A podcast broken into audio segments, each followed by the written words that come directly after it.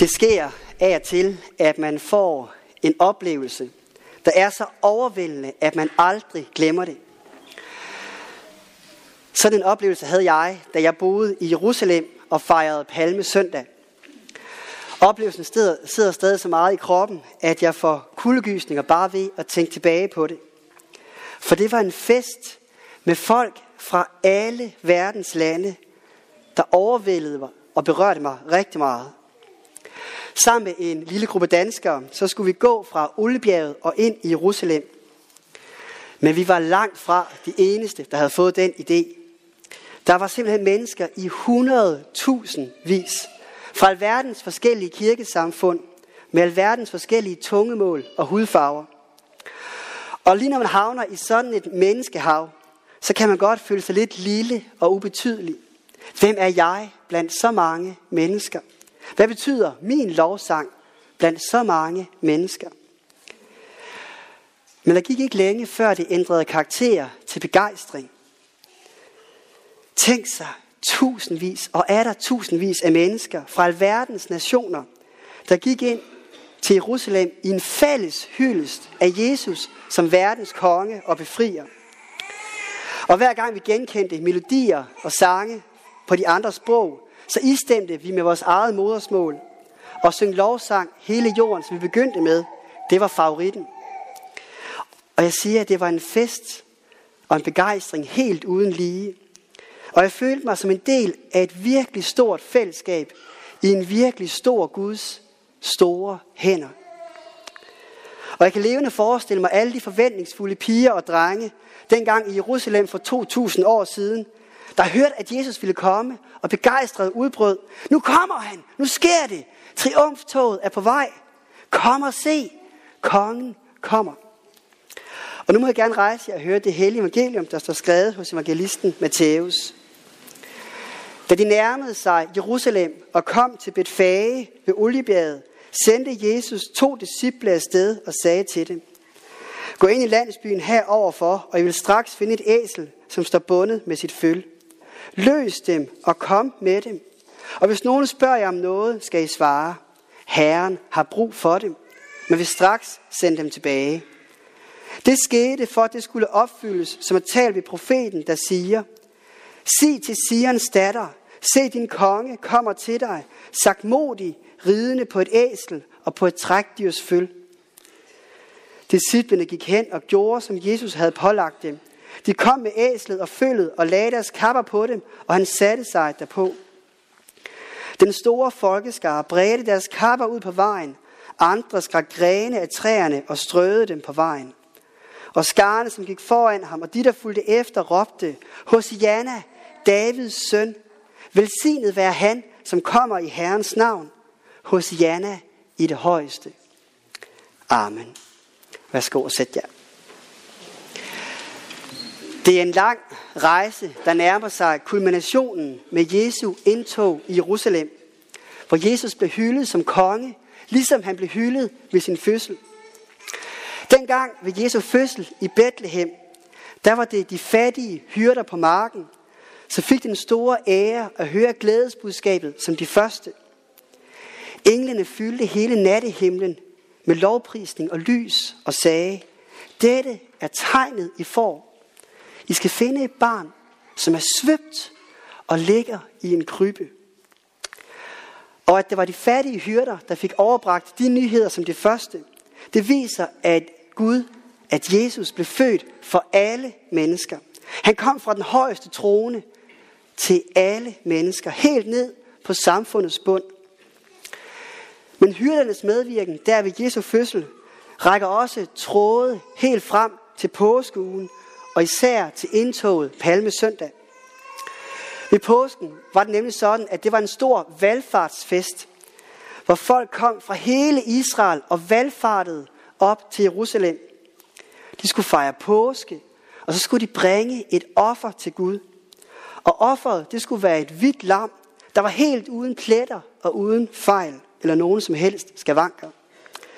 Og rejsen til Jerusalem, den var for mange både lang og besværlig og farlig.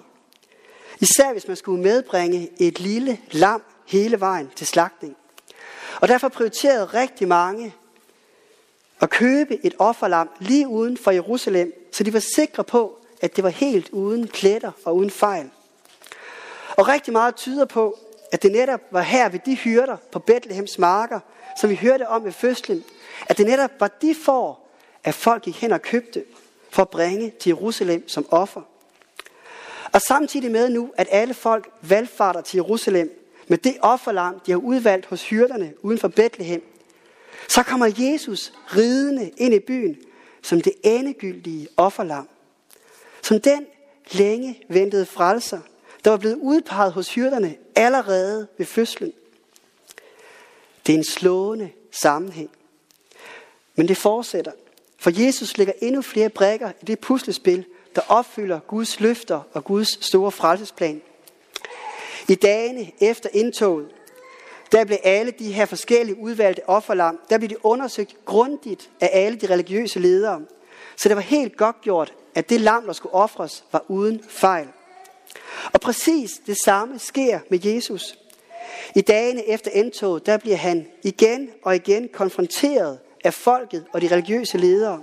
Han blev virkelig målt og varet, fordi de ledte med lys og lygte efter, om der dog var noget, de kunne anklage ham for. Men skriften siger det så stærkt. De fandt ikke noget. End ikke den romerske Pilatus fandt noget som helst at dømme ham for. Jeg finder ham ikke skyldig, råbte han. For Jesus var det ultimative offerlam, helt uden plet og lyde. Han var uden synd og uden en eneste plet på sit CV. Så Jesus er altså ikke bare en deltager i den her påskefejring. Når han er selve opfyldelsen af alle de løfter, der knytter sig til påsken. Hele vejen igennem. Og det er altså virkelig overvældende at betragte, når først man får den ene brik efter den anden til at lande i det store puslespil. For Jesu indtog palmesøndag er ligesom at lægge de første brikker. Det hele hænger sammen. Og når Jesus under krydsforhøret i templet på et tidspunkt selv fremhæver en salme fra det gamle testamente, salme 118, og siger sådan her. Den sten, bygmesterne vragede, er blevet hovedhjørnesten. Det er Herrens eget værk. Det er underfuldt for vores øjne. Ja, så ser jeg puslespillet for mig tage endnu mere form med brikkerne i hjørnet, der bliver lagt. Der tegner sig et billede af den Jesus, der opfylder alle Guds løfter og bringer Guds kongerige helt tæt på. Og da undersøgelsen af det udvalgte offerlam, det var overstået, så blev de offret og slagtet på tempelpladsen. Sådan var traditionen. Og præcis samtidig hænger Jesus på korset. Jesus blev så at sige slagtet som påskelam for hele verden. Se der hang Guds lam, som bærer hele verdens synd. Og forhænget i templet revnede og flækkedes fra øverst til nederst. Fordi da Jesus red ind i Jerusalem, så stoppede han hverken ved byskiltet eller ved de mange hånende ord og piskeslag.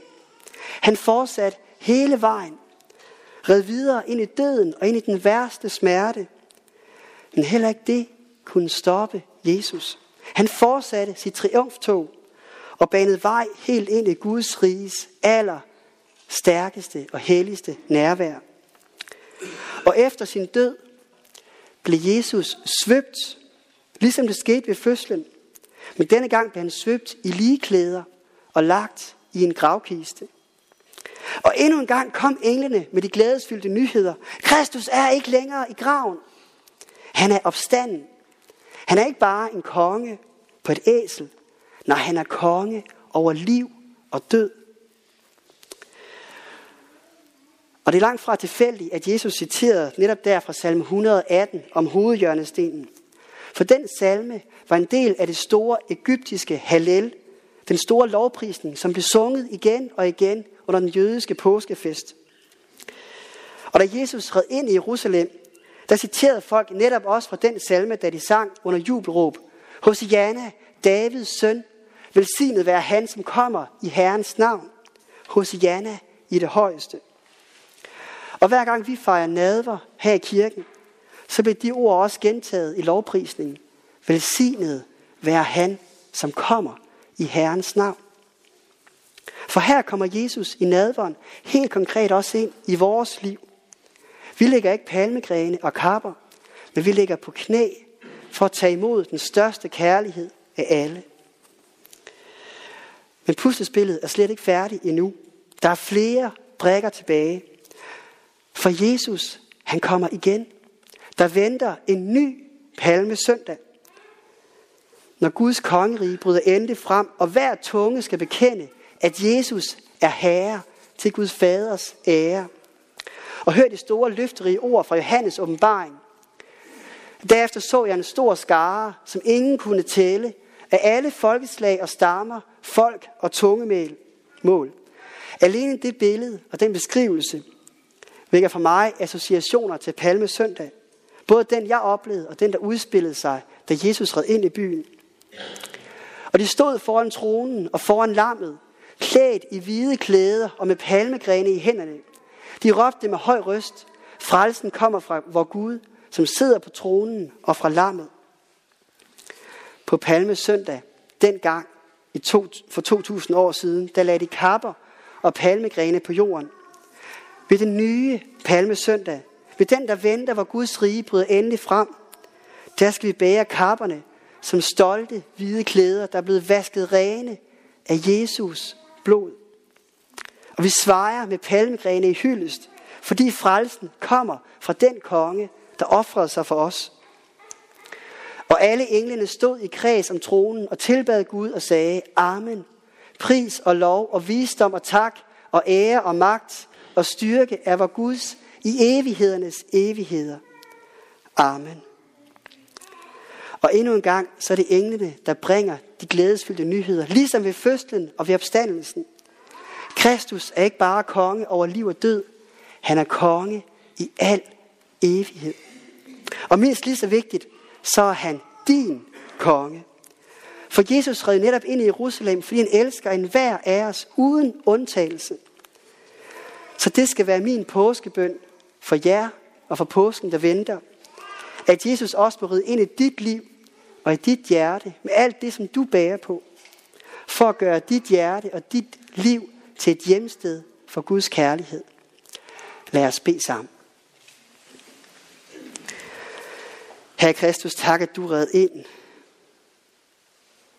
til hån og til hyldest, til død og til opstandelse. Tak at du aldrig trækker dig, men at du altid går hele vejen for vores skyld. Herre, tak at du er opfyldelsen af alle løfter. Tak at du er det evige påskelam,